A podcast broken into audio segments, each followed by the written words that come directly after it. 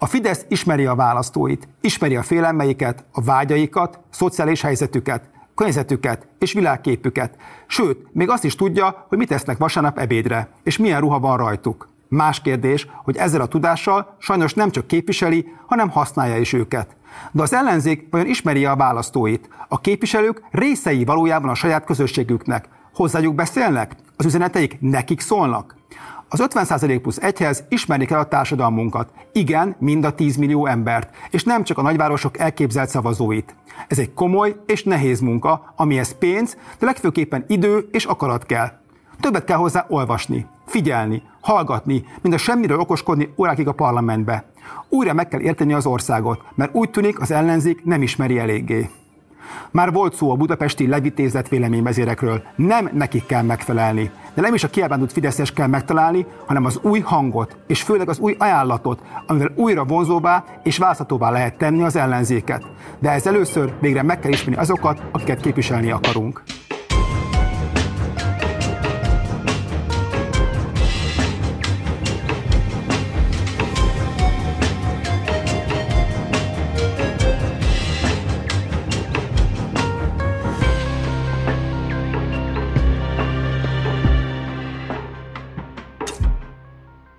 Ez a Vétó ötödik adása, Ruf Báint vagyok.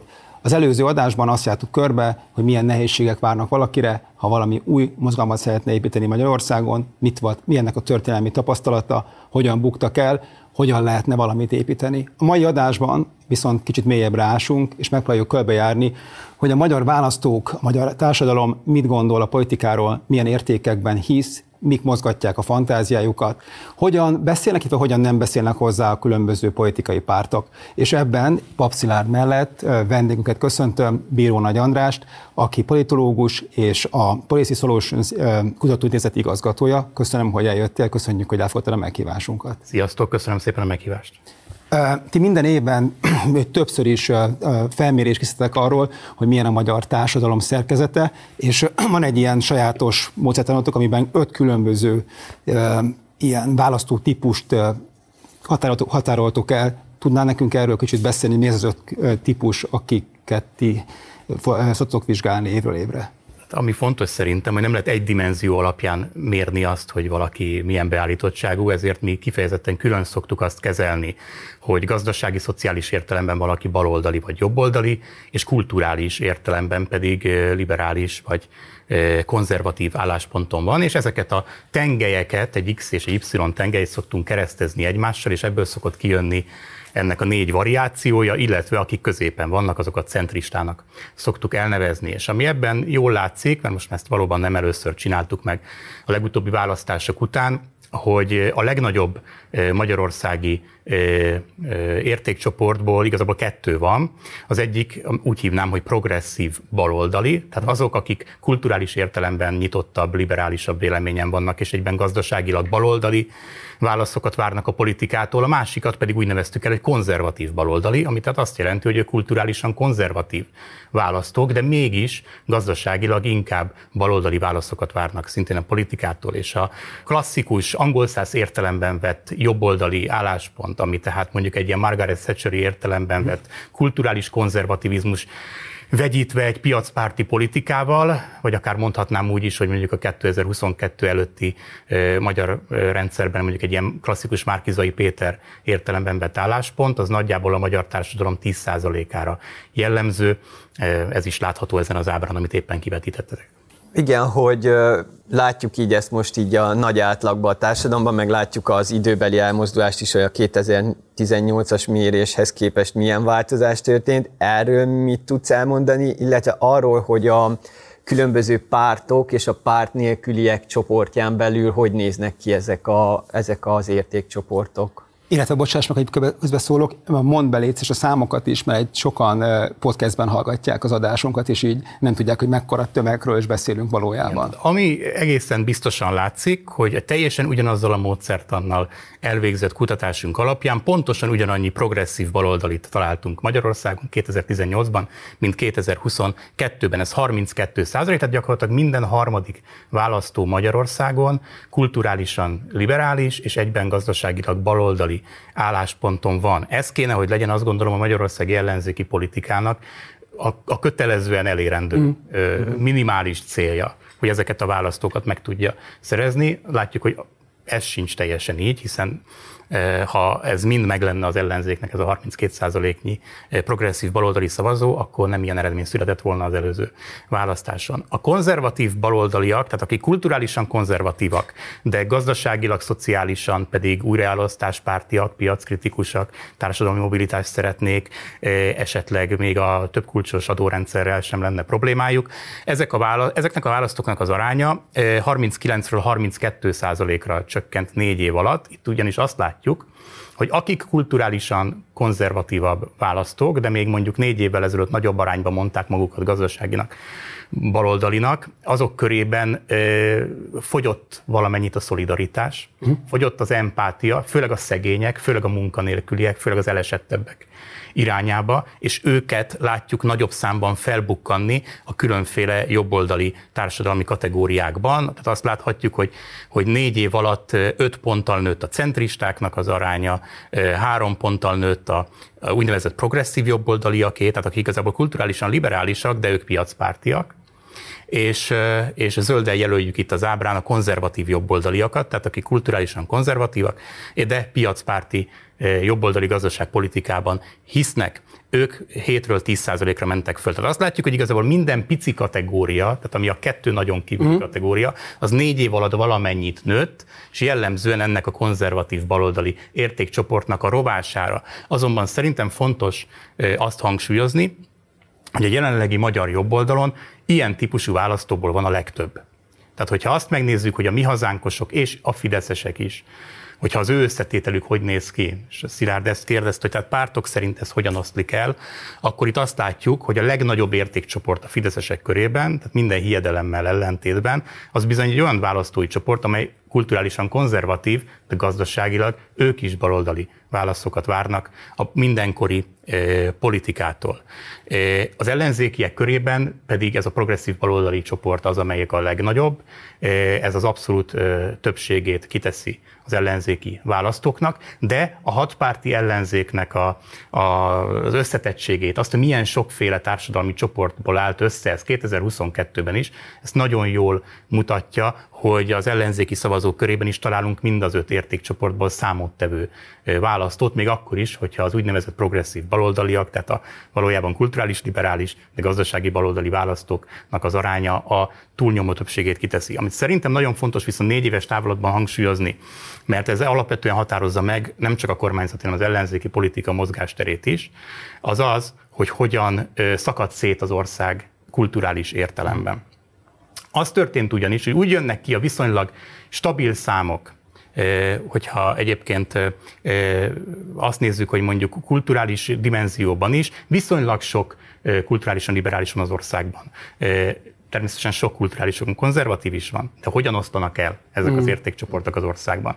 És itt van egy igazán drámai szétnyílása az ollónak négy év alatt, ugyanis mi 13% ponttal több kulturálisan liberális, vagy mondjuk úgy progresszívet találtunk Budapesten, mint négy évvel ezelőtt. Uh-huh. Ellenben falun 8% ponttal kevesebbet, mint négy évvel ezelőtt. Ez mutatja, hogy valójában az agregált számok úgy tudnak kijönni viszonylag stabil szinten, hogy közben az olló az országon belül pedig drasztikusan nő. Ahol nem nő ilyen drasztikusan a történet, tehát hogy igazából elég stabilak az attitűdök, olyan tekintetben, hogy a többség egy bizonyos véleményen van, azok a gazdasági kérdések.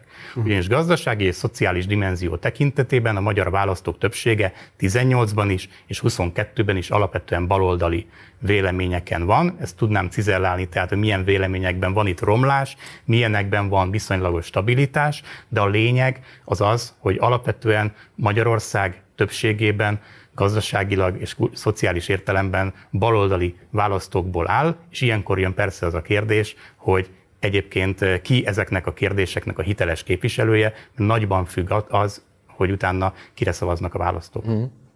Igen, mert pont ezen gondolkodtam, de aztán menjünk bele a, problém, vagy a problémákba is, vagy a konkrét, nem tudom, kérdésekre adott válaszokra is. Csak épp ezen gondolkodtam, hogy ha így megállapítjuk azt, hogy gazdasági kérdésekben mondjuk így a társadalom legalább 60% vagy 55-60%-a mondjuk a piackritikus álláspontot képviseli, hogy akkor mi következik ebből, hogy akkor azt tudjuk mondani, hogy hát ugye baloldali dolgokat kell mondani, és akkor ezzel megvan oldva minden, ami nekem amúgy szimpatikus, de hogy, hogy van egy kis fenntartásom azzal kapcsolatban, hogy, hogy a, a politikai nézeteink azok nem úgy alakulnak, vagy a politikai preferenciáink nem úgy alakulnak csak, hogy nem tudom, hogy egy felhőből letöltjük azt, hogy ott vannak az értékeink, és akkor minden konkrét esetre azt így letöltjük, mint egy ilyen nem tudom, egy ilyen felhő alapú szolgáltatásból, hanem az van, hogy, hogy egy kontextusba, egy társadalmi kontextusba beágyazva hozzuk meg a döntéseinket, a politikai preferenciáinkat, azt szerint alakítjuk, hogy mi éppen mibe vagyunk, mi az, amit fontosnak tartunk, ami a, a hétköznapi életünkben épp egy, egy, egy fontos probléma, miben van a környezetünk, tehát hogy mások mit gondolnak, azokhoz viszonyítva is alakítjuk, függ attól, hogy, hogy, hogy, hogy éppen azt érezzük, hogy jól mennek a dolgaink, vagy rosszul mennek a dolgaink, attól is függ, hogy, hogy milyen törés a kisebb közösségünkben éppen milyen törésvonalak vannak, és akkor egy-egy nagyobb politikai ügy az hogy helyezkedik bele ebbe a törésvonalba. Tehát, hogy, hogy innen nézve kérdezem azt, hogy mi következik abból, hogy egyébként a, a társadalom többsége gazdasági kérdésekbe piackritikus. És újraelosztáspárt. És újraelosztáspárt. Ami szintén nem, nem nem mindegy, nem. Hogy, hogy ez így van, hiszen ez, ebből szerintem sok minden következik. Például az következik, hogy az ellenzéki politikai erőknek szerintem a saját elvileg hazai pályájuknak számító témákon ezért nem kellene félniük, hogy a magyar társadalom többsége esetleg nem azon a véleményen van, mint amin ők vannak. Hiszen sokszor lehet hallani, például kulturális kérdésekben, hogy a másik tengelyt is említsük, hogy ott, ahol defenzívába szorul az ellenzék, ott bizony nagyon sokáig bizonytalankodás tapasztalható, esetleg az, hogy akár hónapokon, éveken keresztül is mennek ügyek, és nem lehet látni, hogy mi a különféle ellenzéki pártoknak a véleménye, mert próbálják ezt viszonylag elrejteni, azért, hogy ne idegenítsenek el szavazókat. Lehetne itt sok témát mondani, de mondjuk kettőt például a migráció ügye pont ilyen volt, amiben eh, semmilyen markáns álláspont eh, nagyon sokáig nem rajzolódott ki, miközben ezerrel minden csatornán eh, folyt a kormányzati kommunikációs kampány, ugye a bevándorlás ellenessége kapcsolatban, de nyugodtan mondhatjuk az utóbbi két év másik nagy kormányzati találmányát, ez pedig az LMBTQ ellenes kommunikáció, amiben szintén a kulturális törésvonalak mentén pontosan lehet azt tudni, hogy ha ezt kis települések szintjén nézzük, meg Budapest szintjén nézzük, akkor nagyon más attitűdök vannak az országban, és nyilvánvalóan ez például egy olyan ügy, amivel a Fidesz a saját kistelepülési támogatottságának mindig tud adni egy lökést, hiszen a többség ott ezeken, ezekben az ügyekben vele van. Tehát ez sem mindegy, hogy hogyan oszlanak el az országon belül ezek a vélemények, mert az egy dolog, hogy a makroszámok mit mutatnak, de nagyon fontos az a kérdés is, hogy, hogy ezzel egy-egy kérdéssel, hogyha foglalkozik egy politikai erő, azzal bezárja-e magát egy bizonyos földrajzi meghatározottságba, például a fővárosba, maximum megyei jogú városokba, vagy olyan témákkal foglalkozik, amelyel egyébként saját maga értékrendje szerint is hiteles tud lenni, mm. és még egyébként mondjuk a kis települési embereket is érdeklik. Tehát ezért nem mindegy, hogy egyrészt milyen attitűdök vannak a különböző kérdésekkel kapcsolatban, és az sem, hogy ezeket mennyire tartják fontosnak. Mielőtt belevágnánk abba, hogy ha, 60%-nyi baloldali van Magyarországon, akkor miért, ne, miért kiképviseli a baloldali politikát valójában, és az ellenzék, vagy a baloldali ellenzék miért nem képviseli ezt. Előtte nézzük meg azt, hogy igazából a ti szerint mik azok az ügyek, amik az embereket igazából érdekli. Van egy grafikonunk erre, amiben tételesen látszik, hogy mi az az első öt kérdés, ami mint az ellenzéki oldal, mint pedig a Fidesz szavazókat a legjobban érték, érdekli. Ezek ugye, ahogy látszik, és úgy átadnám neked ebből a szót, de hát ugye itt elég egyértelmű az első három helyezett, és igazából csak az erős sorrendben és van igazából csak kérdés. Mit tudsz erről mondani, és hogyha ez a helyzet, ami van itt, és ugye ez eléggé fekete-fehér, akkor vajon miért nem ebben foglalkozik az ellenzéki politika, és ki foglalkozik ebben igazából? Na, hát ami, ami itt szerintem mindenképpen kiemelendő, hogy a kormánypárti és az ellenzéki szavazók probléma térképének a top három ügye az ugyanaz. Mm. ez a 22-es választások után, sőt, ez a tavaly decemberi kutatásunk, amiből most itt bevágtatok egy, egy ábrát, az mutatja tehát, hogy, hogy egyértelműen az infláció megélhetés kérdései, túl magasak a megélhetés költségei, hmm. és ezzel párhuzamosan alacsonyak a fizetések hmm. Magyarországon. Ez ugye kettő azért összefügg, hogy hát. mit tudok megvásárolni azokon a magas árakon, tehát hogy mennyi a fizetésem, és az egészségügyi ellátás színvonal. Tehát látszik, hogy a közszolgáltatások iránti igény is egyébként, ami a a, az előbb mutatott értéktérképünk alapján is kijött, hogy bizony az, hogy az állam egyébként biztosítson jó színvonalú közszolgáltatásokat mindenki számára, mm ez abszolút 90% körüli támogatottságú ügy az országban, és ebben a legrosszabb megítélés az egészségügy helyzetének. Van még az oktatásnál is rosszabbul látják az egészségügy helyzetét. Ahol elkezdenek jönni a különbségek, az egyébként nyilván a harmadiktól lefelé, tehát az látszik, hogy a korrupció ügye, bár a fideszesek között nem sokakat érdekel, de a az ellenzéki szavazók körében ez a negyedik helyen végez, és amit szerintem még fontos kiemelni, hogy ez egy, ugyan egy néhány hónapos pillanatfelvétel, amit most nézünk, de valójában körülbelül 2021 óta. A COVID harmadik hullám, ami egyébként a leghalálosabb is volt, meg amikor akkor kezdtek el igazán begyűrűzni a gazdasági következményei a lezárásoknak, tehát nagyjából egy olyan, egy olyan szűk évvel a COVID kezdete után, akkortól kezdett el érreállni a Magyarországon a túl magasak a megélhetés költségei mm. című dimenzió hogy egyébként előtte mennyire gazdasági konjunktúrát érzékeltek a választók, tehát akkor pre-covid Magyarországon, azt jól mutatja, hogy 19-ben, amikor mértük, mert tényleg nagyon sok éve mérjük már ezeket a problématérképeket, 19-ben a túl magasak a megélhetés költségei válasz, az a hatodik helyen végzett még csak. 2020-ban jött föl a harmadik helyre, és 2021-ben lett az első. És 2021 eleje óta első helyen van a magyar közvélemény szempontjából, tehát az, hogy nehéz megélni, nincs elég fizetésem, és nagyon magasak az árak. Tehát jól látszik, hogy ez mindent ural, és függetlenül attól, hogy ez fideszes választó, ellenzéki választó, bizonytalan választó, minden választónál ez van egyértelműen az élen. Szerintem vessünk egy pillantást arra is, hogy mi az, ami nem annyira érdekli. Mm az, az embereket.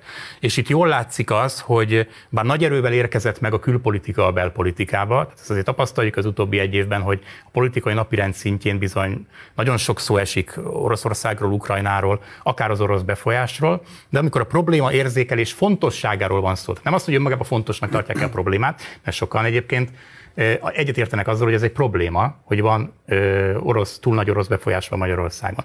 Hanem az a kérdés, hogy a megélhetési kérdésekkel alacsonyak a fizetések, alacsonyak a nyugdíjak, elvándorolnak a fiatalok, hadd ne soroljam, általában olyan 15-16 különféle problémát szoktunk ilyenkor fontossági sorrendben, sorrendben vizsgálni. Ebben azt látjuk, hogy az hogy a kormánypárti szavazók körében az utolsó helyen végzett az orosz befolyás, ezen mondjuk talán nem vagyunk annyira mm. meglepve, látva, hogy hogyan van kondicionálva a kormánypárti választó kormányzati médiából, de az ellenzéki szavazók körében is alulról a harmadik helyen végzett, például ez a, ez a külpolitika ihletésű ö, válasz. Az ellenzéki szavazókat egyáltalán nem érdekli az LMBTQ ö, propagandával való riogatás, ezt látjuk, hogy utolsó helyen végzett az ellenzéki szavazók körében, és az a drámai egyébként, hogy hogy, a fideszes szavazók sem gondolják azt, hogy ez az országnak a kulcskérdései közé tartozna. Az más kérdés, és szerintem itt egy zárójelet érdemes nyitni az LMBT ügyek kapcsán, ugyanis itt azt ö, tapasztaljuk több kutatásunk alapján is az elmúlt ö, évekből, hogy itt akkora a városvidék megosztottság, hogy míg talán nyugodtan mondhatom más politikusokat idézve, tehát nem én találtam ki, hogy míg a Budapest Pride zászlaját kötelező egy budapesti főpolgármesternek kitűznie, mert olyanok az attitűdök a városban, hogy egyébként nem hogy azt gondolják, hogy szégyelni való lenne ez a téma, hanem azt gondolják, hogy nincs ezzel semmi baj. Ez nagyjából a budapestiek kétharmadára e, igaz. Addig mondjuk kis településen, nyilván ezzel a zászlóval végigmenni az utcán, az helyenként akár egy veszélyes történet is e, lehetne. Tehát ebből látszik az, hogy annak ellenére, hogy nem tartják feltétlenül egy fontos kérdésnek a fideszes választók sem, azonban olyan mértékben egyetértenek viszont ezzel az ügyel, hogyha ezt a Fidesz képviseli, mondjuk a kis települések Magyarországán jellemzően az alacsonyabb képzettségű és jellemzően idősebb választók, hogy ezzel egyébként a meglévő előnyüket a kis települések világában, amiről korábbi adásaitok is szóltak, hogy, a, hogy azokat a választókerületeket, amelyek túlnyomó többségében falusi ö, ö, körzetek, hogy azokban hogyan tudja bebetonozni azt a támogatottságát, amivel egyébként azt az 50 plusz egyetől jövőben is hozni tudja, abban a kérdésben viszont az LMBTQ illetve a kultúrharcos tematikáknak, Kultúr. tehát ki, talán ki e, bővíteni ezt kultúrharcos tematikákká, ebben nagyon nagy szerepe van ezeknek az ügyeknek. Tehát, hogy mivel tudják megőrizni azt, hogy ezek a választók semmiképpen se forduljanak az ellenzék felé. Ez így van, de itt menjünk kicsit vissza talán a gazdasági kérdések, és ugye van egy ilyen, szintén egy ilyen ellenzéki mitosz, vagy hát ilyen berőződés, hogy Orbán Viktor egy jobboldali politikus, aki egy jobboldali konzervatív, már szélső jobboldali politikát folytat, és ugye ennek bizonyos elemei meg is vannak, de azért van egy fontos rész is, hogy nagyon sok elemébe viszont baloldali kérdéseket is bedob a, a saját közönség szemére is, ami most nem akarok visszamenni egészen a történelembe egészen nem tudom a 90-es évekig, de ugye kicsit oda kell menni, amikor a, amikor a, a Fidesz elfoglalja a kisgazdapártnak a helyét és be, bekebelezi magába, és onnantól kezdve egyre jobban azt látja, amit te is ugye még minden kutatás is igazol, hogy a magyar társadalom, ugye, hogy ez miből adódik, tényleg már nem menjünk vissza, de mégiscsak egy gazdaságilag baloldali, csomó, kérdésben baloldali gondolkodású társadalom, hogyan tud ehhez a Fidesz szólni? És amikor azt, kér, azt nézzük, hogy hogyan is szólt hozzájuk, és most úgy, ugye így, nem tudom, 13 év táblatából ez így néha nehéz is, de mégiscsak, amikor, be, amikor a hatalomra kerültek, most nem is beszélve a szociális népszavazás, ami egyébként egy abszolút baloldali népszavazás volt, és egyesítette a Fideszt a, a kiábrándult szocialista, illetve liberális szavazókba, de onnantól kezdve, ugye nézzük csak meg, ugye az egész különadó kérdése, extra profitról való beszélgetés, magyar tulajdonban való vissza, visszaadás, adás, SZIA mentesség adása. Tehát mind-mind-mind olyan, olyan eszközök, amik azért ezeket a baloldali polgárokat is meg tudja szólítani. Nem feltétlenül, hogy mondjam, kulturálisan, de abban, hogy valahogy hozzájuk beszél. Tehát abból a fajta kiábrándulásból, hogy a magyar kapitalizmus rossz, ugye a rendszerváltás utáni kapitalizmus rossz, és legyen valami új harmadik utas fideszes kapitalizmus, vagy irányított kapitalizmus, ebben a Fidesz ezt hozza. És amikor arról beszélünk, hogy hogyan lehet velük kritikát megfogalmazni az ő gazdaságpolitikájukkal szembe, akkor az a nehéz kérdés, hogy egy csomó embernek ez igazából tetszik. És olyan embereknek is, akik egyébként magukat baloldalinak gondolják. Egyszerűen ebben van egy ilyen játék a, a, a Fidesznek. És amikor mentek rá a, a, a, a választásokra 22-be, és hiába lehet, lehet azt úgy hívni, hogy szavazatvásárlást, úgy is lehet hívni, hogy kétharmadot eredményező osztogatás, vagy tőke visszaadás, ugye az is erről szólt. Ugye minden egyes ember, minden egyes csoport, akiket beazonosítottak, kaptak vissza, a pénz, kaptak vissza a befizetett pénzekből, meg kaptak egy csomó támogatást. Az a kérdésem inkább hozzá, hogy, hogy ez egy tudatos gondolkodás, hogy látod azt, hogy, hogy ők oda beszélnek, hogy, hogy ugye meg akarják ezt a, ezt a tömeget is fogni, és amik, amit mondasz, hogy, hogy vannak ugye ezek a kultúrharcos vagy életmódbeli kérdések, hogy ezek egészen más módon ö, ö, osztják a magyar társadalmat. Szerintem Orbán Viktor alapvetően nem jobb vagy baloldali, hanem egy nagyon pragmatikus mm. politikus, akinek egyébként a gazdaságpolitikai filozófiájának a mélyén egyértelműen jobboldali alapállást látunk, mm. ez főleg ugye az adórendszer kapcsán, de akár ha munkavilága történeteket is nézzük, a szakszervezetekhez való hozzáállást, és ez vegyül uh-huh. olyan elemekkel, amelyek egyébként az emberek szociális biztonságra való vágyát, uh-huh.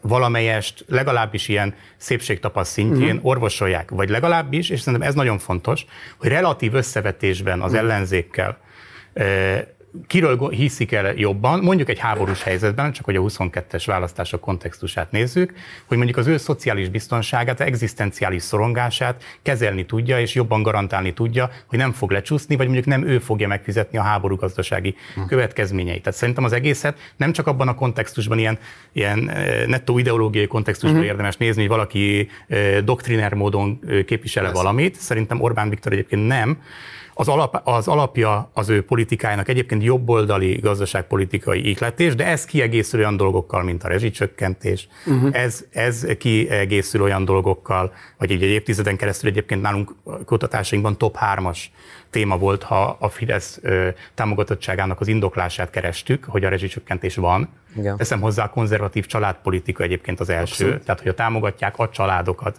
című történet, az volt nálunk a legnépszerűbb fideszes közpolitika, ami egyébként túlnyúlt a fideszes táboron, és az Persze. ellenzéki szavazók egy része is egyet tudott érteni vele.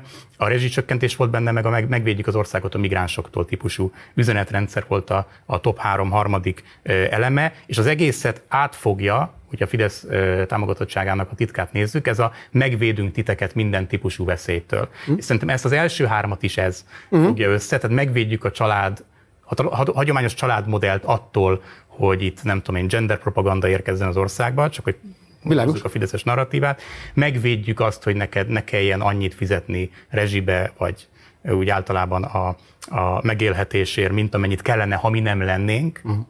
És hát és megvédjük az ország szuverenitását. És egyébként ez, ezek a dolgok, amik összeadódnak egyfajta megvédünk titeket ö, ernyővé, ez azt gondolom a Fidesz támogatottságának a legfontosabb titka. Ami az ellenzék számára nehézé teszi ugye a helyzetet, az az, hogy a, a relatív érzékelése annak, hogy az ellenzéktől mennyire hiszik el, hogy egyébként azokat a értékeket, vagy azokat a témákat, amiket egyébként fontosnak tartanak, és amiben egyébként a preferenciáik lennének, azt ők jobban képviselnék, mint a mint a, mint a kormány. Szerintem ez a, ez a, ez a kulcskérdés, mm. és szerintem 2021-22-ben ezért játszott el egy nagy lehetőséget a, a, a, az ellenzék, mert ebben a kampányban Főleg egyébként a végén, az utolsó hat hónapban azért is, mert olyan jelöltjük volt, aki egyáltalán nem tudott volna azonosulni, nem is tudott, és ezt ki is mondta, azonosulni olyan ígéretekkel, vagy olyan tematikával, ami egyébként ezekkel az ügyekkel azonosult volna, amiket ugye az előbb megmutattunk, és ebből kijött egy olyan választási kampány, ami gyakorlatilag arról szólt, hogy demokrácia, meg majd feles többséggel alkotmányozunk, kijött egy, egy, egy olyan dologból, hogy kijött ebből egy olyan dolog, hogy kelet vagy nyugat, mm. tehát hogy Putyinnal vagyunk, vagy az Európai Unióval vagyunk, és kijött az, hogy egyébként korrupció, és a korrupció ellen küzdünk. És ez a tematika, hogyha összevetjük, nem azt mondom, hogy ezek nem fontos kérdések, természetesen fontos kérdések, és az ellenzéknek fontos, hogy ezekben legyen markáns álláspontja, és egyébként nem is voltak a társadalmi többségnek rossz oldalán ezekben a kérdésekben. A más kérdés, hogy egyébként az embereket mely kérdések foglalkoztatják elsőprő erővel. És azt hiszem, hogy az utóbbi, vagy utolsó hetekben a választási kampányban a legfontosabb kérdés nem csak az volt, hogy béke legyen, meg, meg fizikai biztonság, és ne sodrodjunk bele a háborúba, hanem hogy kiről hitték el jobban azt az emberek, hogy egyébként, ha 2022. április 3-a utáni világ van, akkor egyébként a minimálbére az növekedni fog, vagy megőrzi a minimálbéremelést. Lesz-e 13. havi nyugdíj utána, hiszen a Fideszes negatív kampány arról szólt, hogy majd az ellenzék elveszi 13. havi nyugdíjat, még ha nem is volt, tették volna el, most tök mindegy, most a percepció szintjén Abszolút. beszélgetünk erről, hogy mit gondolt hattak erről az emberek akkor. És egyébként, tehát az adataink körülbelül egészen világosan azt mutatják, hogy itt egyfajta hitelességi válság van azokban a kérdésekben is, amelyekben egyébként az ellenzéknek előnybe kellene lennie. És ezek azok a kérdések, ahol egyébként a jövőben is, ha azt nézzük, hogy hol van talán a leginkább sebezhető pontja a Fidesznek, akkor azok nyilván nem a kultúrharcos tematikák magyar választásban, vagy a magyar társadalomban, hanem elsősorban azok a kérdések, amelyek a magyaroknak a megélhetésével kapcsolatosak, a magyarországi közszolgáltatások színvonalával ö, kapcsolatosak, és, és, és igazából az elosztási kérdések. Két, két dolog jutott eszembe, hogy egyrészt ez, amit mondasz, Bálint, meg, meg te is, András, hogy, hogy a Fidesznek vannak ilyen, a politikájában vannak ilyen baloldalias elemek, de alapvetően egy, egy jobboldali gazdaságpolitika működik az, az szerintem fontos belátni, hogy ez egyébként nem egy, az a, az a felállás, hogy egy alapvetően baloldalias választóközösséget egy, egy jobboldali párt képvisel, ez a fajta látszólagos ellentmondás, ez nem egy magyar specifikum, hanem az utóbbi, nem tudom én, másfél évtizedben, a 2008-as gazdasági világválság óta tartó politikai átrendeződésnek egy fontos eleme. Ugye ezt látjuk, hogy különböző sikerrel, de nagyon sok jobboldali párt megpróbálja magát átalakítani egyfajta ilyen munkásokat, vagy a bérből és fizetésből élőket képviselők pártjává és van az, ahol sikerül, szerintem a Orbán Viktor ebben alapból élen járt 2008-10 időszakban, és azóta is látjuk, hogy és működik az a fajta mód, hogy hogyan lehet ezt a, hogyan lehet választás, választ, többségi választói koalíciót összerakni ö, alapvetően egy jobboldali ö, gazdaságpolitikai alapba belecsöpögtetett kisebb baloldalias ö, intézkedésekkel, és az egészet összekötni egyfajta ilyen jobboldali kultúrharcos ö, ö, félelmekre rájátszó politikával. Ugyanezzel megpróbálkoztak egyébként a brit konzervatívok, és ugye a Brexit az önmagában egy ilyen momentum volt, ahol, ahol sikerült uh, megszólítaniuk leszakítaniuk a baloldalról olyan szavazókat, akik akár generációk óta baloldaliakra szavaztak, de jól látszik, hogy ezt megtartani, egybetartani nem sikerült, és mára már a, a, a brit konzervatív párt teljesen elveszítette azokat a Brexit körzeteket, amik egyébként baloldalra hajlanak, de a Brexit miatt a, a torikra szavaztak. E, de ők most visszamentek már a Labourhöz. Látszik, hogy nagyon sok helyen próbálkoznak, ugye a, a, a Meloni recept is nagyon hasonló, a, a Le Pen recept is nagyon hasonló, és látszik, hogy nem mindenhol sikerül egyformán, és hogy e, ez, ezért hozom be ezt a nemzetközi összehasonlítást, hogy ez szerintem a magyar ellenzék számára egy fontos ilyen tanulási lehetőség lenne, hogy megnézni, hogy ott, ahol működik, miért működik, tehát Magyarországon miért működik annyira ez a, a recept, ott, ahol nem működik, miért nem működik, mert pont ebből az összehasonlításból akár olyan következtetéseket is le lehet vonni, amik hasznosak lehetnek az ő munkájuk Igen, szempontjából. A magyar, magyar kontextusban itt ö, érdemes egy picit visszamenni, hogy mi előzte meg azt, hogy Orbán Viktor egy ilyen recepttel mm. ö, próbálhatta kezelni akár a válságot is, meg utána fölépíteni a saját politikát politikáját évtizedes távlatban, és ez pedig az, hogy a, az ő hatalomra kerülését a baloldal összeomlása előzte meg Magyarországon, és a baloldal hitelességi válságának az elmélyülése előzte meg, amiből azóta is nagyon nehezen jön ki az ellen, úgy összességében az ellenzéki oldal, és nyilván azok a pártok is, amelyek, amelyek ennek a, az időszaknak a továbbvivői az emberek szemében. Ugyanis hát tényleg az történt, hogy nagyjából 2008-9 környékén veszítette el a, azt a kártyáját az akkori kormány, az MSZP-SZDSZ kormány, hogy a szociális biztonságot elsősorban hozzájuk kötötték az emberek. Ez a kártya vándorolt át nagyjából ott 2006 után egyébként a megszorítása következtében, amit aztán elmélyített a szociálisnak nevezett népszavazás, meg utána a gazdasági válság is, meg annak a kezelése is, tehát nagyon sok minden, egy komplet négy éves ciklusról beszélünk, ahol mm. ez a kártya gyakorlatilag kikerült az a kártya, ami a legerősebb kártyája lenne a mindenkori baloldalnak, vagy a mindenkori, vagy mostani magyar ellenzéknek, eh, az átkerült a Fideszhez, és ezt próbálja valamilyen módon különféle eh, részleges intézkedésekkel szinten tartani, akár a, a valóban a külön adókat, én nagyon fontosnak tartom ilyen tekintetben, akár a bankadók, akár a multikra kivetett eh, különféle adók, ezek nagyon népszerű intézkedések Abszolút. egyébként Magyarországon, tehát hogy ezek nem csak a fideszesek körében, hanem az ellenzéki szavazók körében is népszerű intézkedések, és tényleg még egyszer kiemelném, hogy egészen addig, amíg meg nem lett tépázva egy kicsit a rezsicsökkentés renoméja a tavalyi évben, egészen addig ez egy, ez egy nagyon népszerű kezdeményezése volt a, a, a, a kormánynak, és, és, és, és ezt még egy pár intézkedéssel, akár a minimálbéremeléssel, akár a SZIA visszatérítés a családoknak, ugye az átlagjövedelem szintjéig 2022 elején, ez egy nagyon jelentős plusz intézkedés volt, hiszen gondoljunk bele, hogy olyan emberek kaphattak vissza több százezer forintot egy összegben a választások előtt két hónappal körülbelül, akik lehet, hogy ennyi összeget úgy egyébként úgy a hónap végén nem is biztos, hogy szoktak látni. Tehát, hogy ez, egy, ez, ez, ez valóban egy jelentős dolog volt. De igen, egyetértek veled, hogy egyébként ez egy nemzetközi trend. Én a Marine Le pen emelném ki hmm. ezek közül, mint talán a utolsó időszakban azt, aki a leginkább erre ráment, és hagynak is teret neki a francia belpolitikában, hiszen a ottani kormányzó Macron mindennek nevezhető politikája alapján, kormányzati politikája alapján csak szociálisan érzékeny vagy baloldali ihletésű gazdaságpolitikának nem, és ezzel ő is szerintem pontosan tisztában van.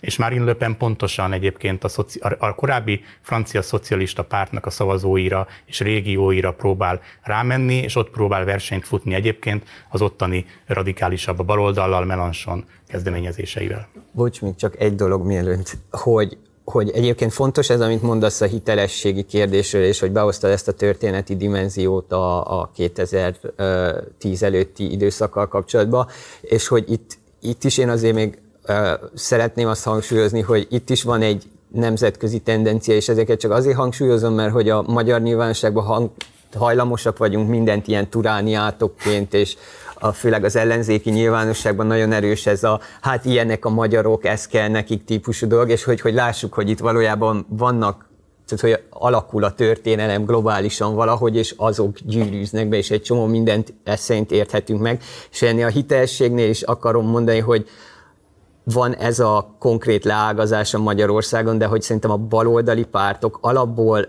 egész Európában küzdenek azzal, amit a, a francia baloldali közgazdász Thomas Piketty ennek a Brahmin baloldalnak nevez, hogy, hogy egyre inkább azok a témák, amikről beszélnek, beszorítják őket ebbe a nagyvárosi, liberális közegbe, hogy az a az a kép alkotódik meg róluk, és nem teljesen jogtanú, hogy ők valójában a jobb módú, az elitet képviseli a baloldal, és hogy ebben a paradox helyzetben tud a jobb oldal gyakorlatilag ilyen látszat baloldali ígéretekkel mégis megszólítani. E, ez a trend egyébként Magyarországon nagyon felerősödött uh-huh. az utolsó ciklusban. Tehát azt mondanám, hogy ez nem is egy évtizedes e, fejleményként.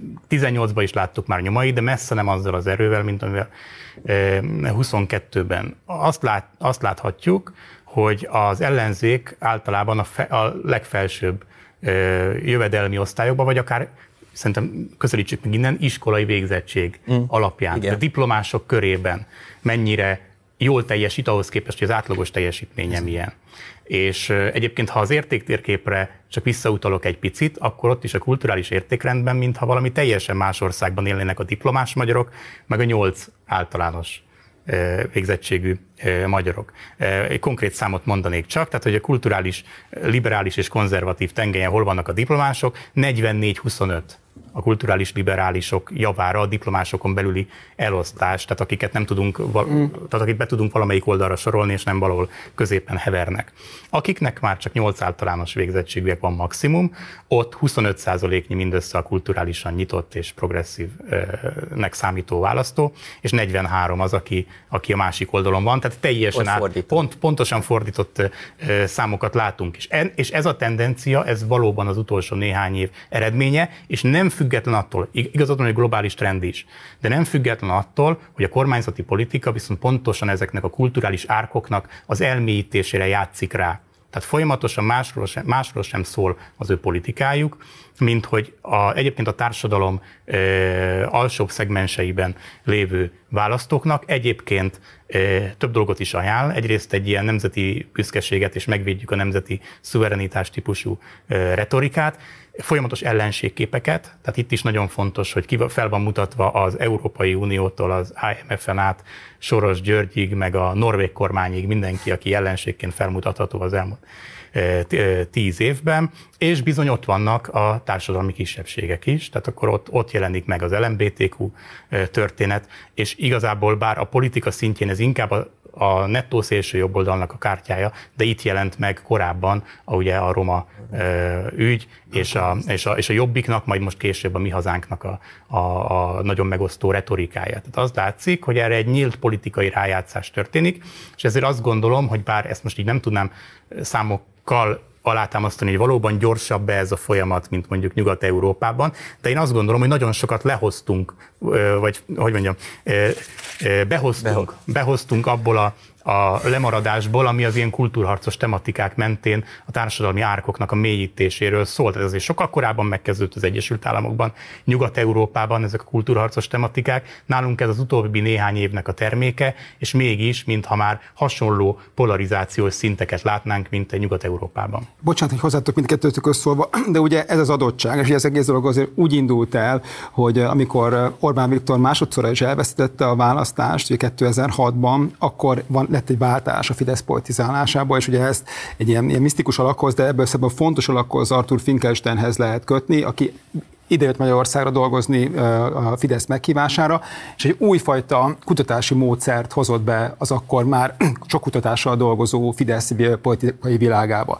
És azt a fajta tudást, amit Amerikából ide importált, ugye Amerikából importált ide, hogy hogyan kell igazán mélyre menni a, a társadalom szövetébe, hogyan kell a politikánál mélyebb félelmeket kutatni, hogyan kell ezt olyan szintű kontextusba hozni, hogy nem feltétlenül azokkal a personákkal liberális, szociális, konzervatív kell politikát csinálni, mennyire azért mélyebb a, a társadalomnak a szövete, kezdett el a Fidesz mozogni és, és dolgozni. És ez a fordulat 2008-tól kezdve tart. És az ő rendszer az egyik tudása, ami tudás, amit ugye nem, hogy mondjam, nem egy fáról szedett le, hanem megtanulta és sokat dolgozik, de valóban sok pénzbe is kerül, az az, hogy a legjobban Orbán Viktor ismeri a magyar társadalmat. Egyrészt ismeri különben is, de abban, hogy napi szinten méri, kutatja, erre van egy egész iparága, amit több hát sok 10 milliárd forintból üzemeltet, az azt mutatja, hogy ő egy olyan politizálás folytat, amiben szinte mindig a társadalmi többséggel van. És ez egy nem, hogy mondjam, ez nem a, ez nem a bölcsek köve, hanem ez egy egyszerű, egy olyan fajta kormányzati mód, amikor minden egyes kérdést, amivel, amivel foglalkozik, azt folyamatosan teszteli, és általában, vagy az esetnek a 99%-ában a többségi véleménnyel megy együtt az ő kormányzása. Párszor nem, de egyébként igazából igen. És hogy ez nem egy olyan ördögtől való kérdés, mert ha valaki ugye ülünk itt az asztalnál, és látjuk azt, hogy hol vannak a magyar szavazóknak a, a, a gondolataik, mik foglalkoztatja őket, akkor hát Orbán Viktor oda beszél. Az, hogy, hogy ezt ebben hogyan él vissza, hogyan, hogyan tartja őket félelembe, hogyan tartja őket ebbe az ilyen kötöttségbe, az egy másik kérdés. De az a tudás, ami az ő amivel ő rendelkezik, az bizonyos szempontból az ellenzék is és rendelkezik. És az a kérdésem hozzá, hogy szerinted mik azok a ügyek, politikai vagy társadalmi ügyek, amiben a Fidesznek kisebbsége lenne, hogyha az ellenzék avval foglalkozna, ugye egy kicsit már beszélgetünk erről, illetve az, hogy ez a fajta tudás, amit ők sok-sok milliárd forintból um, üzemeltetnek, ugye valamilyen szinten az ellenzéknek a rendelkezésére is áll, mert ezeket a számokat, amiket te is mutatsz, ezek, ezeket mindenki más is tudná olvasni, és akkor miért nem ilyen politika születik, vagy miért nem így kezdődik a politika csinálás, és most az utolsó gondolat, csak még egyszer, hogy, hogy én, én kicsit radikálisabban fogalmazok, mint, mint ti, Szerintem az történt, hogy egyébként a, a belső ilyen, hát üvegbúra, amivel az ellenzéki politika működik, az azt jelenti, hogy lényegében ezek az emberek nagy része nagyvárosokban élnek már, mert a politika csinálói. És ugye amikor mondtad, hogy az ellenzék visszaszorul ugye Budára, vagy a, vagy a megyei egy bizonyos részére, akkor az a szint, ahol ők politizálni akarnak, az mindig kicsit magasabban van, már beszéltünk korábban is, hogy az ő elképzelt választója inkább olyan, mint aki a szomszédja lenne. És ugye az elképzelt választó, aki a szomszédod, az nem dönt el választásokat, mert amit mondtál, hogy a diplomásokkal vagy PhD fokozattal rendelkezők arányában milyen jól áll az ellenzék, hát ez teljesen lényegtelen, hogy milyen jól áll az ellenzék, mert nem ők döntik el a választást, hanem azok, amikről beszélünk. A, a Magyarország nagy tömege, Magyarországnak a választók a nagy része nem rendelkezik PhD fokozattal. És hogy az Orbáni, és hát mondhatok, hogy ez mennyire gyorsul, de mennyire nem. Pont a napokban olvastam egy tanulmányt erről, amiben pont erről, erről szól Bódi Mátyás és írta, amiben az történik, hogy hogyan szilárdul meg a, a Fidesznek a, a szavazótábora, hogyan megy bele ebbe, a, mit mondasz te is, 8 általános, 8 általános végzettekben, vidéki, kistelepüléseken, falvakban élőben, és hogyan szilárdul ott meg, és hogy ott beton keménységű lett a, a támogatottsága, és hogy ha ezt, ha ezt, ezt úgy lehet csak feltörni, ha egyáltalán lehet, hogy el kell kezdeni hozzájuk beszélni. Szóval bocsánat, még egyszer a kérdésem az, hogy azokban a, a, a, az ügyekben, amiben egyébként kisebbség van a Fidesz, azok melyik ügyek ezek? Hát én, én néhányat azért lehet látni annak ellenére is, hogy a Fidesz elég sok kérdésbe igyekszik bemenni, és elég pragmatikusan valóban mérve a közhangulatot igyekszik utána menni. De az látszik jól, hogy egyenlőtlenségek csökkentése kérdéskörben. Például abban, hogy szűkíteni kell a gazdagok és a szegények közötti különbségeket, hogy társadalmi mobilitást kell segíteni az országban, az óriás vagyonokat meg kell adóztatni, csak hogy mondjak még egy mm. kérdést. Akár a progresszív adórendszert is mondhatom, ahol szintén a elég stabilan, tehát nem egyszeri mérés alapján, hanem mondjuk sok éven keresztül legalább négyszer-ötször mértük azt, hogy a 70% körébe, köré, körül van a progresszív adórendszer támogatottsága Magyarországon, de itt azért zárójelbe szeretném hozzátenni, hogy itt valószínűleg ez egy akkor képviselhető ügy, hogyha kellően magasan van meghúzva uh-huh. az, hogy ki az, akit már érint esetleg gazdag? Több, hogy ki a gazdag, hogy pontosan, hogy ne értsen mondjuk a magyar társadalom fele magára, meg ugye az átlagbér környékén keresők ne gondolják azt, hogy a több kulcsos adórendszer van Magyarországon, akkor az azt jelenti, hogy ők is. Tehát ez nyilván valahol a milliós tartományban kezdődik az, ahol elég sokan megnyugodnának, hogy őket nem érinti egy ilyen több kulcsos adórendszer. Tehát politikailag én ott ak- akkor tartanám ezt például egy használható témakörnek, hogyha kellően meg lenne nyugtatva kellően sok ember, hogy őket nem érinti a több kulcsos adórendszer, vagy ők nem kerülnének be abba, akik hirtelen elkezdenének többet fizetni. Valami ilyesmiről szól egyébként Joe Bidennek is a, a, a válságkezelési és egyéb gazdaság fejlesztési tervei, hogy rögtön megmondják, hogy nem tudom hány százezer dollárig itt senki egy centtel nem fog többet fizetni, viszont a fölött esetleg egy nagyobb szerepvállalást várnának el a választóktól. Tehát ez például egy, egy lehetséges témakör. A közszolgáltatások minősége, ezt említettem már korábban, de nem győzöm eléggé hangsúlyozni, hogy ez nagyon egy, egy, egy Achilles in uh-huh. a Fidesz számára. A Fideszes szavazók is egy jelentős része azt gondolja, hogy például az egészségügy nincs jó állapotban, az oktatásról is hasonlóak a, a, a vélemények. Bocsáss meg, az, de más a kettő, nem? Az egészségügynek a megítélése, hogy az avval fajta eléletlenség az más szinten van, mint az oktatásával való Más fontosságot Na, igen, tulajdonítanak neki, de ugyanakkor magával az oktatásról alkotott véleményeket csak arra kérdezünk rá, és nem kezdjük el relatív, relativizálni, hogy fontos-e az a kérdés, hanem azt nézzük, hogy önmagában az oktatásról alkotott vélemény az milyen, akkor ott egyébként a kritikus vélemények nem csak az ellenzéki szavazók, hanem a fideszesek körében is e, e, nagy többségben vannak. Egyébként zöld ügyek, tudom, erről nem, egyáltalán nem beszéltünk eddig, e, hogyha kevésbé lennénk egy ilyen gazdasági válságos időszakban, mint amiben most vagyunk, és mondjuk a 2019 Magyarországát, ha nézzük, amikor én azt gondolom, hogy nem csak európai szintéren volt egy zöld áttörés, hanem magyar politikában is, uh-huh a fontossága az ügynek egyértelműen látszott, még talán emlékeztek rá, nem biztos, hogy sokan emlékeznek rá, mert gyorsan le lett keverve a Covid által, de a Fidesznek volt még egy ilyen félszívű zöld fordulata is mm. 2020 elején, amikor Orbán Viktor még egy több pontos zöld csomagot is bejelentett az, az, az év elején, tehát még a Fidesz is elkezdett valamennyire zöldülni, amikor úgy tűnt, hogy a zöld tematika fontos lesz. Most ez a, a először a Covid, majd pedig most ez a megélhetési gazdasági válság, ez nyilván a háttérbe sorol felsorolta a zöld értékeket, de egyébként a zöld attitűdök tekintetében elég nyitott a magyar társadalom a tekintetben, hogy itt a klímaválság és a környezetvédelem az egy olyan ügy, ami, ami, amiben a, azt gondolom, hogy az ellenzék a többség oldalán áll. Most nem eléggé fontos az ügy, de kedvezőbb gazdasági környezetben egyébként a zöld ügyek is lehetnek e, e, ilyenek. Egyébként hozzátenném, hogy az EU-s kérdések, a mai napig. Tehát hiába sikerült valamennyire a jó makroszámok mellett, mert a uniós tagság támogatottsága egyébként továbbra is kellően magas, de azért látszik, hogy sikerült aláaknázni az EU barát attitűdöket egy csomó kérdésben. Hm. Megingatni egy kicsit a gazdasági legitimációját az EU-nak, elhinteni azt, hogy lehet, hogy már nekünk nem is éri meg anyagilag benn lenni, mert többet fizetünk be, mint amit onnan kapunk. De ennek ellenére is, hogyha a legtöbb kérdést nézzük a magyar kormány és az EU viszonylatában, akkor itt is többsége van az ellenzéki politikának. Most mondtam legalább egy négy-öt olyan témát, amiben igazából ez, ez, ez megvan, de amit tényleg hangsúlyoznék, hogy egyébként a gazdasági és újraelosztási kérdések tekintetében is lenne mozgástere az ellenzéki politikának. Ez az, amire szerintem 21-22-ben egyáltalán nem helyezte az akkor teljesen együttfutó ellenzék a hangsúlyát, a végén súlyosbítva egy olyan helyzettel, hogy egy vállaltan jobboldali gazdaságpolitikában hívő jelölt próbálta ezt a fordulatot ugye megjeleníteni, kevés sikerrel. Most viszont már egy olyan új helyzetben vagyunk, és szerintem ezt még tegyük hozzá. Uh-huh hogy a 2022-es választások után előállt egy olyan helyzet, amiben már nem is biztos, hogy önmagában a jó témaválasztás elegendő. Tehát szerintem most van egy olyan helyzet, amikor látványosan mélyebb lett az apátia egyébként ez számszerűsítve szintén méréseink vannak rá, hogy sokkal mélyebb volt a depresszió és az apátia a 22-es választások után az ellenzéki szavazók körében, mint akár 18 után is.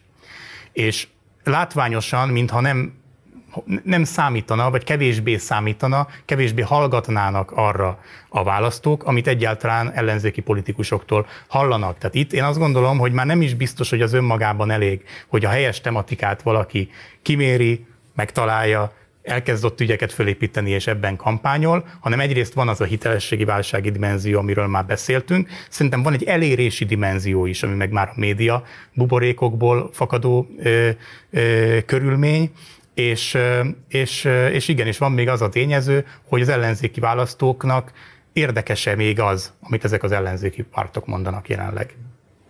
Fú, nagyon sok kérdés merült most fel bennem azzal kapcsolatban, amit elmondtál. Az egyik az talán az, hogy szóval, hogy igen, ez a mm, ha jól értem, mind a ketten azon az állásponton vagytok, hogy olyan témákban kellene megszólalni az ellenzéknek, amik hogy mondjam, túlnyúlnak a közvetlen bázisán, amikben van valami fajta öm, konszenzus is a társadalomban, hogy például mik a legfontosabb problémák, és akkor arról kellene beszélni.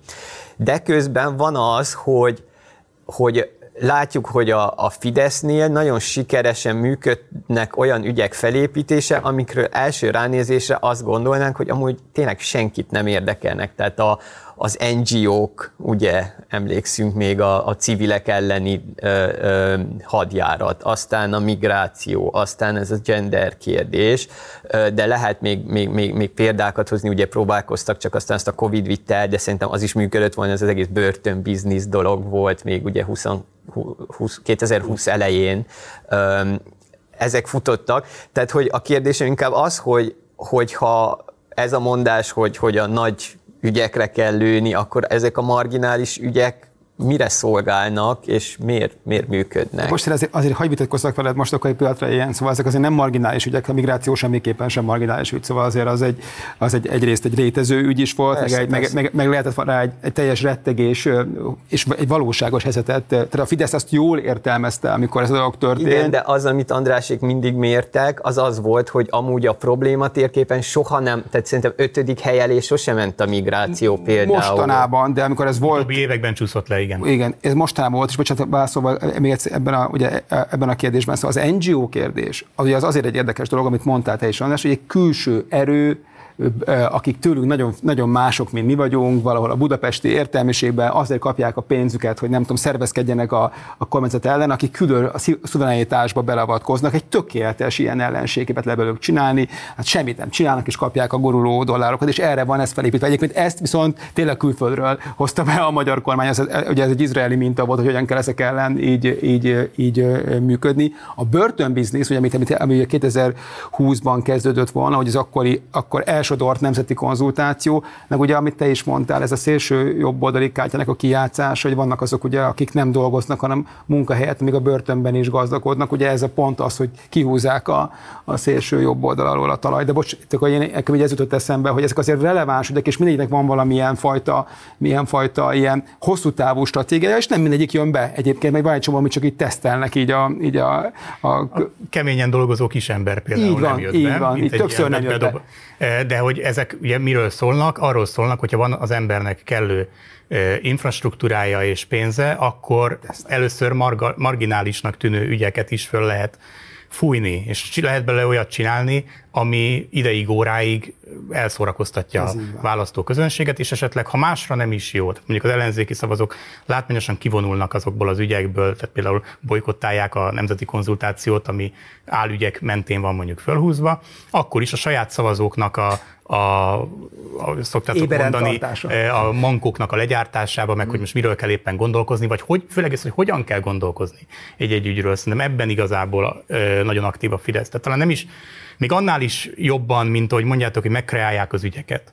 Szerintem ennél is jobban működik az, hogy azt kreálják meg, hogy az adott ügyről mi az a vélemény, mm. mi az az álláspont, ami, ami fontos. És ezt, és ezt azt kell, hogy mondjam, hogyha, hogyha rendelkezésre áll ennyi milliárd forint, meg mondjuk egy kesmán keresztül 500 körüli csatorna, akkor ezt könnyebb megcsinálni, mint egy olyan politikai oldalnak, amely, amelynek ez nincsen meg. És ezért gondolom azt, hogy visszakössek akkor az ellenzéki politika mm. lehetőségeire, hogy ezért nem gondolom azt, hogy Egyébként a problématérképen futottak még kategóriájú ügyeknek az újrakeretezésével ki sarkításával és annak a felnagyításával tudjon próbálkozni az ellenzék, mert erre nincsenek meg az erőforrásai, nincsenek meg a, azok a lehetőségei, azt gondolom, amivel ezt hirtelen a figyelemnek a középpontjába tudná tolni, és főleg nincs meg ahhoz az ereje, hogy mindezt a saját szavazóin túlnyúlóan, mondjuk benyúlva a fideszes buborékokba tudja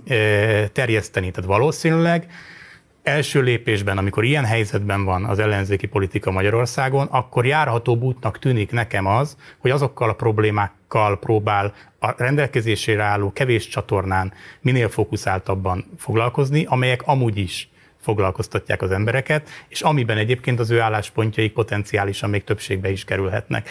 Egyszerűen az a helyzet, hogy bár so, sokszor szoktátok mondani, hogy, hogy ilyen adottság, meg olyan adottság, és hogy ezeket nem biztos, hogy e, ugye készpénznek kell kezelni, hogy ezek adottságok vannak, de viszont a, a média környezetből fakadó adottság az most egy elég erős adottság, és ezen belül én nehezen látom áttörhetőnek a fideszes buborékokat olyan témákkal, amik egyébként jelenleg nem léteznek az emberek horizontján bocsánat, csak egy gondolat csak itt még ide, és plusz szerintem az is egy fontos kérdés, hogy amikor megvan az az ügy, amivel lehetne operálni, és minden egyetértek egyébként, az kicsit a médiabuborékra más gondolok, de, de ez egy másik kérdés, de ha megvan az ügy, és van az egy, egy markánsan van, ugye mint beszéltünk itt először, az ajánlat kérdésről. Ajánlat, amit megért mindenki, tehát nem csak a budai hegyvidék lakossága, hanem, hanem pont ott, ahol a, szavaz, a, a választások eldőlnek, a hármas számú italboltban, és ki tud mondani például mi a szlogened, és nem hosszasan magyarázva. De amit szerettem volna mondani az az, hogy az ajánlatod megvan, akkor ugye ez nagy valószínűséggel, amit te is mondtál, vagy egy megérhetési kérdés, vagy egy egyenlőtlenségi kérdés, vagy ez a közszolgáltatási kérdés, vagy ezeknek valamilyen összessége, és semmi más. Ugye előző akkor pont a Nórával beszélgettünk arról, hogy ilyenkor mit csinál a Fidesz, ha lenne valamilyen jó mondása, vagy egy jó ajánlata az ellenzéknek, azonnal behozza azt, azokat a dimenziókat, amiben tudja, hogy neki van többsége, ezek általában ugye életmód kérdések, gyorsan hozzáragasztja, és egyből keretezi, hogy, hogy mindenki megtalálja, visszatáljon az akkolba, hogy igazából ez a bukott baloldalnak a része. Szóval ez a keretezés, ami a legjobban működik talán az elmúlt 13-14 évben, hogyha bármilyen markáns ellenzéki állítás van, azt egyrészt ugye az ellenzék nem sokáig tartja, tartja fenn, de ez egy másik kérdés, de plusz azonnal belemegy abba, hogy nem kell mindenről véleménynek legyen, illetve nem, nem kell minden véleményet állandóan elmondani. És az ellenzéki politika, hogy megnézel, 15 témában beszél folyamatosan, amiből a 15-ből 12-ben kisebbség van Magyarországon. És hogy ezt, ezt tartani, hogy abban a háromban, amiben nincsen, amiben masszív többsége van, akár két többséged van, avval kéne foglalkozni megállás nélkül. És minden más dolgot nehéz dolog kizárni, és hogy, hogy is mondjam, papagájkommandóként ismételgetni, mert egyébként az ügy ott van, az asztalon van, látszik.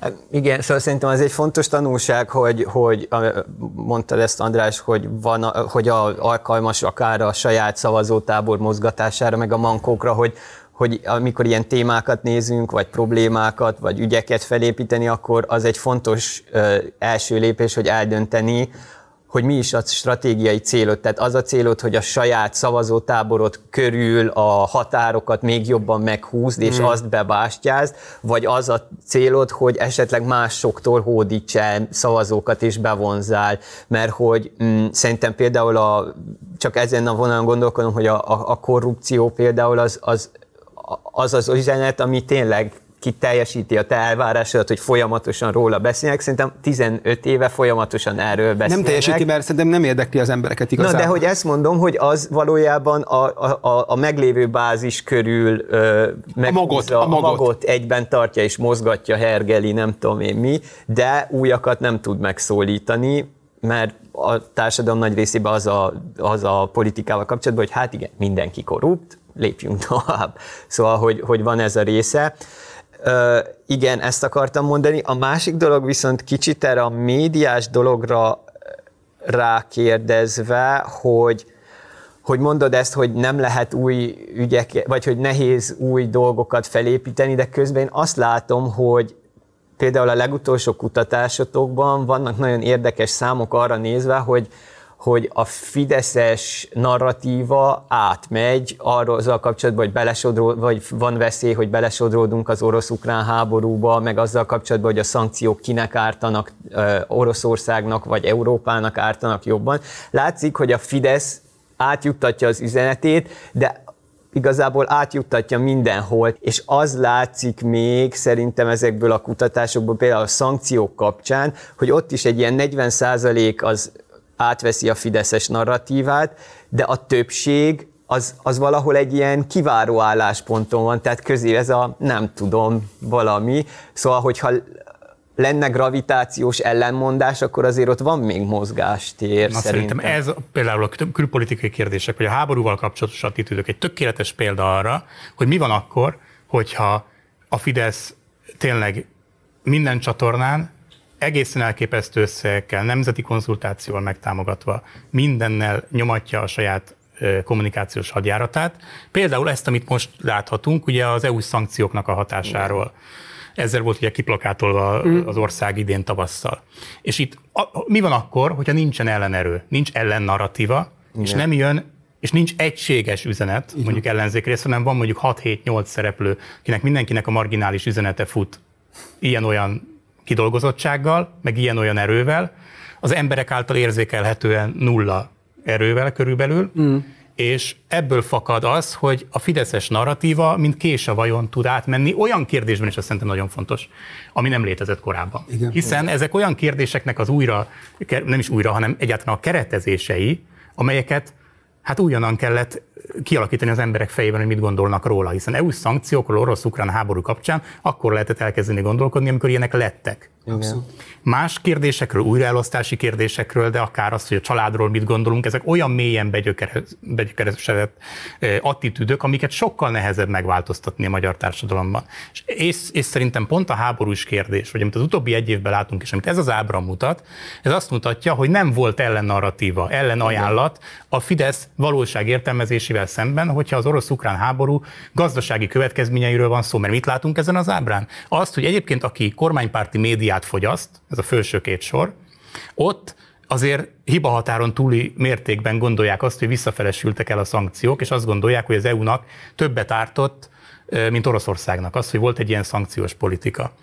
Mit mondanak erről a többiek? Mi a másik uralkodó álláspont, hogy mindkét félnek hasonlóan ártottak ezek a szankciók. És nagyon kevesen, körülbelül 10% a teljes társadalomban, aki azt mondja, hogy egyébként az orosz gazdaságnak jobban ártottak. Na ez egy EU, igazi európai outlier, hogyha mondhatok egy mm. ilyet, tehát hogy abszolút kívül esik minden trenden. A nemzetközi konszenzus az nagyon nem ez, mint amit itt látunk, és volt még ebben a kutatásunkban egy másik ábra, ami arról szólt, és ez is megerősíti azt, hogy egyébként egy ilyen új kérdésben, ha jön egy ellennarratíva nélküli Fidesz henger, akkor mi van? Ez a mik a várakozások a háborúval mhm. kapcsolatban. Mm. Ott ugyanis azt látjuk, hogy szintén két elterjedt vélemény van, egyik sem Ukrajna áttörését várja az ellenoffenzívában, hanem egyenesen a Fideszes szavazók abszolút többsége azt gondolja, mert ezt látja és hallja, mindig, hogy az oroszok milyen jól állnak, hogy még az oroszok fognak több területet nyerni holott az international konszenzus, tehát nyugodtan mondható, hogy a nemzetközi közvélemény, a média és a politikai elit is azt gondolja, hogy Igazából csak az a kérdés, hogy az ukrán ellentámadás meddig jut el, tehát valamennyit valószínűleg vissza fognak tudni szerezni. Nem tudjuk, hogy mennyit, de valamennyit vissza fognak tudni eh, szerezni. És ezzel ellentétben a másik magyar elterjedt vélemény az, hogy a frontvonalak nagyjából ott maradnak, ahol vannak. Az ellenzéki szavazók bele helyezkedtek nagyjából ebbe a köztes álláspontba, de ők sincsenek arról meggyőzve, eh, nem is hallanak nagyon olyan véleményt, amely egyébként nagyjából a nemzetközi közvéleménynek a hangulatát tükrözni ezekben a kérdésekben. Tehát szerintem ezt is tegyük még ide ki az asztalra, hogy nagyon nem mindegy, hogy már egy akár évtizedek óta futó kérdéskör, vagy egy időről időre rendszerint fölmerülő, magyar közvéleményben időről időre felmerülő kérdésnek a újrakeretezéséről és annak a potenciális hatékonyságáról beszélünk, vagy pedig arról, hogy megjelenik a nulláról egy ügy, és akkor azokat az attitűdöket pedig próbálja kialakítani a Fidesz, meg próbál arra reagálni valahogy az ellenzék, de szerintem, és ezt szerintem szintén fontos hangsúlyozni, hogy ha nincsen egységes, erős ellenvélemény, hanem marginális, széttöredezett, nagyon fragmentált ellenzéki oldalnak a nagyon gyenge eléréssel rendelkező részvéleményei vannak, akkor az várható a különféle új kérdésekben, mint amit itt a háborúnál tapasztaltunk.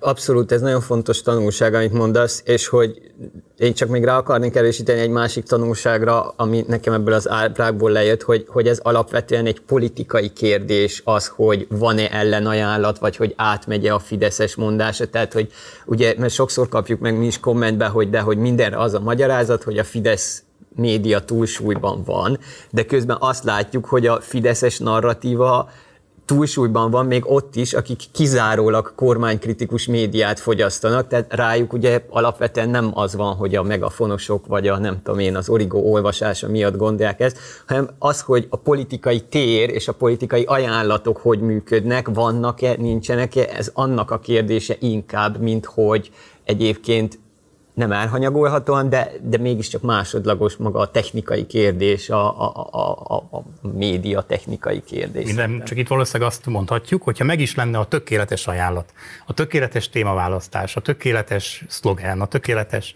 mondani való, akkor is egy nagyon nehéz környezetbe kerülne be ez a tökéletes ajánlat. Hát igen. igen, de ez az nem azt jelenti, hogy nem kell ebben foglalkozni, nem kell az, a nulla, az a nulladik pont. Itt szerintem csak azt sikerült ezzel a, a kis külpolitikai kitekintéssel mutatni, hogy milyen gőzhenger az, ami egyébként szembe jön, és az a nulladik dolog, hogy ezzel szemben legyen valami állítás. Amikor beszéltünk, nagyon érdekes dolgok, és, de hogy van egyfajta, hát finoman szóval is szkepszis a kutatásokkal kapcsolatban Magyarországon, főleg az ellenzéki oldalon az elmúlt pár évnek a hát különböző mondásai vagy eredmény beharangozásai kapcsolatban, és van ennél egy rövid bejátszónk, kicsit be, nézzük meg ezt, hogy mik zajlottak az elmúlt időszakban mit mondtak különböző kutatók a választások eredményeiről. A Publikus Intézet felmérése szerint az ellenzéki összefogásnak 2%-os előnye van. A közönkutatások azt mutatják, hogy a helyzet soha nem volt ennyire kijelzett, és a két oldal között kiegyensúlyozott, mint most. Azok körében, akik azt ígérték, hogy elmennek voksolni biztosan, és van is már lista, amelyikre leadják a voksukat, ez 50-46 a Fidesz javára, és az Egységben Magyarországért a, a 46. Én nem látom esélyt annak, hogy a két létező kis párt, mert a többiek nincsenek, múltal rendelkeznek, mondandójuk van, tehát ezek léteznek mind a ketten, bejusson a parlamentbe. Egy nagyon finom fehérborban, fanóhalmai fehérborban fogadtam. Nem olyan nagy tét azért. Az. Nem olyan nagy tét, de van előzménye, mert az előválasztás eredményére is fogadtam, és azt is megnyertem. Az olló tényleg zárult, aztán a végén kinyílt az a helyzet. Az, olló, az ollók már csak ilyenek. Hát hogy tudod, hogy így, hogy így kivenni. Ezzel még egy kicsit még győzködj, jó? Én az előző civil életemben is választási előrejelzéssel foglalkoztam, és politikusként is mindig van egy, van egy várakozása az embernek, és én azért 20 éve nem volt még olyan választás, amit ennyire benéztem volna. Szóval csak azért beszéljünk erről, hogy amikor, ma beszélünk adatok, meg tények, mennyire tények az emberek, amikor minket majd néznek, hogy mennyire lehet elhinni, hogy amiket ti, ti kutattok, amik ti mondasz, vagy te mondasz számok, azok mennyire valóságosak, és hogy mi ment szerinted félre, például ezeknél a választási kutatásoknál, mennyire voltak ezek szakmaiak, szakmaiatlanok, és mennyire voltak képesek a, hát hogy mondjam, a választói közeget befolyásolni, és aztán pedig ezt az elképesztő kiábrándultságot, ami sok emberből uh, kijött ugye a választások estén, ugye mennyire, mennyire fűtötte ezek a hát irracionális vágyak vagy vágyvezérelt gondolatok. Hát én nem igazán szeretnék abba belemenni, hogy más intézeteknek a tevékenységét értékelem itt hm. ebben a műsorban. Az látszik természetesen, hogy, hogy egyre elterjedtebb, akár Magyarországon is, nem csak más globális trendeket néz más országokban az, hogy, hogy egyes pártoknak, akár saját intézeteik hozzák ki a saját eredményeket, amelyek nyilván elsősorban közvéleménybefolyásolási szándékkal születnek, és talán egyre kevésbé van jelen az a vélemény, amely, amely nem e megfontolások szerint végzi a munkáját. Mi mondjuk konkrétan egyáltalán nem veszünk részt a, a, ez a havi szabatosságú, vagy még olyan, szabad, olyan sem szavatosságú pártpreferencia vizsgálatok, illetve ezek kapcsán a, a különféle közvélemény tematizálási kérdésekben. Mi inkább azzal foglalkozunk, hogy, hogy, hogy nagyobb makróképet rajzoljunk föl a magyar társadalomról, és inkább olyan tudást adjunk, ami egyébként én azt gondolom, hogy évek múltán is visszanézhető és visszakereshető, és akár vissza is hivatkozható, és, és azt gondolom, hogy ezek az adatok főleg, hogy elég nagy stabilitást mutatnak, és nem egyszer, nem kétszer jönnek ki, és aztán esetleg más futó, nagy nemzetközi összehasonlító adatfelvételek sem cáfolják azt, amit mi, mi a magyar társadalomról bemutatunk. Én azt gondolom, hogy ezeket az adatokat nyugodtan lehet használni, akár tájékozódásra, akár arra is, hogy valaki mondjuk politikai tervezésnél ilyen típusú adatokra ilyenekkel foglalkozzon, és ilyenekre építse a stratégiáját. Abszolút szerintem a, ez a fajta mm, szondázása a társadalomnak, ez egy nagyon fontos ilyen makroképet ad, vagy hogy a politikai megismerésnek egy fontos eszköze. Viszont ugye végig erről beszéltünk, szóval ez a téma át, átvonul a, a beszélgetésünkön, hogy ugye oké, okay, hogy tudjuk, hogy nem tudom, a társadalom 80%-a a szabad tankönyv választást támogatja. Ez, ez még nem jelenti azt automatikusan, hogy arra a pártra fog szavazni, amelyik egyébként a szabad tankönyv választást támogatja, és nem arra, amelyik egyébként ellenzi. Ugye ez egy tökéletes, konkrét példa a magyar társadalomból ma. Ö, és hogy ennek kapcsán akarom még azt hangsúlyozni, hogy hogy a politikai megismerésnek a politikusok számára ez csak az egyik nagyon fontos módja, de hogy ugye az is van, és a múlt héten a Norával beszéltetek arról, hogy, hogy leépültek a, a közvetítő intézmények világszerte a demokráciákban, ami mondjuk a választókat a politikai elittel összeköti ilyen ö, köztes lépcsők, nem tudom, a szakszervezetek, a vallá, az ilyen vallásos önkénteskedő civil csoportok, sportegyletek, egy csomó olyan dolog, ami, ami gyakorlatilag közvetít a, a két, két végszint között. Ezek leépültek, és hogy közte kialakult egy ilyen vákum, amiben ugye Csigó Péter politológusnak van ez az elmélete, hogy ebben a vákumban létrejött egy ilyen spekulációs ipar azzal kapcsolatban, hogy, hogy a politikusok és az ő, nem tudom, háttér embereik spekulálnak arról, hogy valójában mit akar a nép. És hogy sok, sok, sokszor ez a fajta ilyen ö, rosszul értelmezett felmérések pont ennek a spekulációnak a részei, hogy, hogy próbálják ki, megalkotni azt, hogy, hogy vajon mit is gondol a nép, és akkor ilyen ön, önreferenciális rendszereket hoznak létre abban az értelemben, hogy megvan a saját módszertanunk, és alá tudják támasztani, hogy az miért működik, és hogy ennek szerintem mi a, tehát hogy az, hogy, hogy mi az, ami még létező politikai megismerési mód, aminek ki kell egészítenie ezt a nagyon hasznos módot, az az, amikor az a politikus be van ágyazódva a népbe, és tudja, hogy hogyan beszél, mibe van éppen, mik azok, amik foglalkoztatják, mert az egy fontos tudás, hogy tudjuk, hogy mit lát problémának, de az is egy fontos tudás, hogy lássuk, hogy hogyan gondolkodik erről a problémáról, milyen nyelvet használ, milyen szavakat, milyen fogalmi keretet, hogyan fordítja le ezt a, a nagy meta problémát, hogy rossz a megélhetésem, az hogyan fordítja le a kétköznapok szintjére. Úgy fordítja le, hogy a, összehasonlítja magát a szomszédjával, hogy ő megteheti, hogy megvegye azt, amit én a gyerekemnek nem vehetek. Egy csomó ilyen mikroszintű dolog van, ami nagyon sokat segít abban, hogy össze tud rakni az ajánlatodat, úgy tud megfogalmazni az ajánlatodat, hogy az ténylegesen rezonáljon, hogy azt a hitelességi küszöböt, ami, vagy hitelesség hiányt, amiről beszéltél, azt, azt kompenzálni tud, egy csomó ilyen. Szóval, hogy, hogy, hogy én így képzelem el a, a jó politika csinálást, hogy a kettő kiegészíti egymást, a makroszondázás, és ez a fajta beágyazottság, ez, ez kéz a kézbe megy egymással.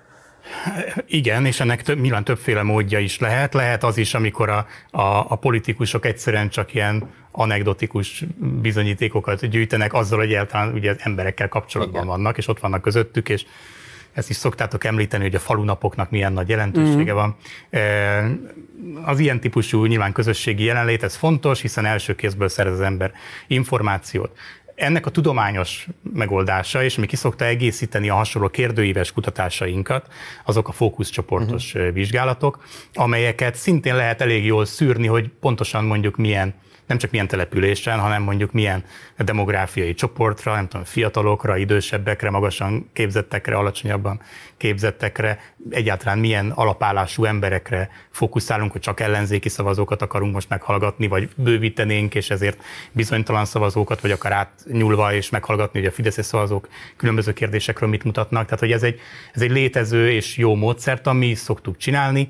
Nem is olyan régen, néhány héttel ezelőtt például erre mutattunk be egy példát, amikor a Zöld Kommunikáció Magyarországon című kutatásunkban kifejezetten hat városban e, azt próbáltuk körüljárni, tehát nem csak azt, hogy mik a fontos zöld ügyek, mert az kijön egy ilyen kérdőíves kutatásból, hanem azt, hogy milyen nyelvezet működik, hogyan érdemes beszélni róla, mik azok a narratívák, megközelítések, amelyek jobban bevonják az embert, hogyha arról az ügyről van szó, mik azok, amelyek inkább taszító jelleggel vannak, és ez csak egy pilot dolog, tehát ez nyilván most mi ezt a környezetvédelmen, meg a klímavédelmen mutattuk be, de ezt ugyanúgy el lehet játszani a megélhetési kérdésektől egészen a háborús tematikáig, tehát nagyon széles a repertoár, amiben egyébként ez a módszertan is releváns, de az másra való. Tehát amikor hmm. viszont ti egyes műsorokban, nem csak ti, hanem úgy általában a médiában azt szokták ugye kérni, hogy az országra általánosítható összegző makroképet mondjon valaki. Arra viszont ezek a kis kvalitatív részfunkciók nem jók, ahhoz kellenek az ilyen kemény számok és a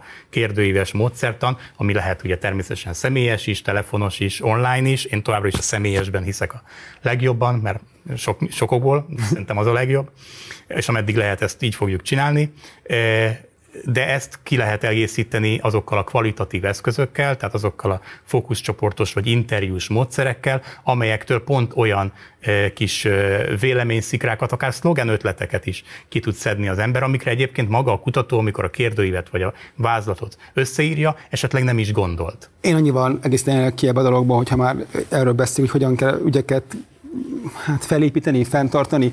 Ha belegondoltok az elmúlt 13 évben, hát kevésen ugye van az ellenzéknek, amit úgy nulláról mondjuk 100%-ig fel tudott építeni. Én úgy most így nem is nem tudok egyet sem mondani, hogy nagyon neki gondolkodom, de hogy ugye az a, szóval a legnagyobb kritika mindig az az, hogy van két olyan fogalom, amit a magyar ilyen politika csinálás, ellenzéki politika csinálás, így mindegy ilyen ördög a tömjén füstöl úgy tart, az egyik ilyen a populizmus, hogy ha valaki populista, az valami, az valami borzasztó dolog. Hát ebben a világban élünk, szóval, hogy a, a populizmus időszakát éljük, és a populizmus azt jelenti ebben az én szempontból, hogy az a téma, ami az embereket érdekli, és olyan módon, hogy az emberek ezt fogyasztani tudják. Szóval ne féljünk ettől a kifejezéstől, mert szerintem ez egy, ez egy hát hogy mondjam, így kéne ügyekhez hozzáállni. A másik pedig, és hiszem ez a biztos, két olyan csoport van, aki, hogyha nem tetszik valamilyen politikai termék, vagy politikai ügy, az biztos, hogy hát a leghangosabban fogja ellenezni, és a leghangosabban fogja minden mindenfajta social médián, kommentekbe kifejezni a, a, a nem tetszés. Az egyik ilyen, azok a tényleg ilyen nagyon vad, ö, ö, ö, hát piacpárti liberálisok, akik mindenfajta megélhetési kérdésben azonnal már nem tudom, kommunistát kiáltanak, a másik pedig, ugye, amit te is mondtál, ami egy még kisebb kisebbsége a magyar ellenzéki tömegnek ez a Márkizaj Péterhez kapcsolódok, itt te is mondtál pár százalékot elérő konzervatív piacgazdaságban hív, hívők, nem nekik kell megfelelni, nem ők adják a választói többséget Magyarországon, ők szerintem, és ebben egészen biztos vagyok, hogyha van, lenne normális ellenzéki ajánlat, ami széles, ugye mégis beszéltünk arról, hogy egy kis pártot szeretnél építeni, vagy az 50 plusz egyet szeretnéd megteremteni, a kettő nagyon más utat követel meg. Ha a nagyot hoz akar szólni, hogy a Fidesz is szól, akkor ezekkel a hangokra a legkevésbé se kell figyelni. Nem azért, mert a véleményük nem fontos, hanem azért, mert szerintem ők meglévő szavazók, ők a végén a nagyobb erőhöz, a meglévőhöz tudnának gravitálni a, a választás napján, de ahhoz, hogy egyáltalán az erő vagy bármifajta gravitációs pont megszülessen, az az kell, hogy azokat a szavazókat kell visszanyerni válaszolva a kérdésedre, akiket elvesztett az ellenzék, akik pont ezekben a kis településeken, városokban laknak, akik ezt most pont nem szólnak semmit, akik bemennek a kocsmába, nem tudnak egyetlen egy dolgot sem mondani a fideszes eh, narratívával szemben. Köszönöm, hogy eh, elfogadtad a meghívásunkat, és itt voltál velünk. Szerintem nagyon érdekes eh, adás lett abból, hogy mélyen bele tudtunk nézni, amennyire az adás keretei eh, engedték, hogy a magyar társadalom mit gondol. Ez volt a Vétó ötödik adása Bíró Nagy Andrással. Jövő héten pénteken 6 órától újra jelentkezünk. A Fideszes propagandáról fogunk beszélgetni Schulz Nórával és Papszilárdal. Köszönjük szépen a rengeteg támogató és kritikus hozzászólást. Mostantól kezdve ezt a vétókukacpartizánmedia.hu e-mail címen is megtetitek. Addig is, ha nem akartok lemaradni erről az adásról, vagy a Partizán többi műsoráról, iratkozzatok fel a Partizán YouTube csatornájára. Köszönöm szépen!